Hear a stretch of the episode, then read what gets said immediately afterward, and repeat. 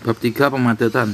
Pada prinsipnya, pemuatan atau pemadatan itu meliputi lima faktor yang perlu diperhatikan, yaitu melindungi kapal to protect the ship, melindungi muatan to protect the cargo, keselamatan buruh dan ABK, safety of crew and longshoremen, melaksanakan pemuatan secara sistematis to obtain rapid systematic loading and discharging, Mem memenuhi ruang muatan sepenuh mungkin sesuai dengan daya tampungnya to obtain the maximum use of available cubic of the ship. Melindungi kapal to protect the ship dalam melindungi kapal pada prinsipnya dapat dilakukan dengan pembagian muatan yang merata, pembagian secara menegak dari bawah ke atas, pembagian secara membujur longitudinal, pembagian secara melintang transversal, pembagian muatan secara khusus pada geladak antara twin deck. Pembagian secara menegak dari bawah ke atas vertikal.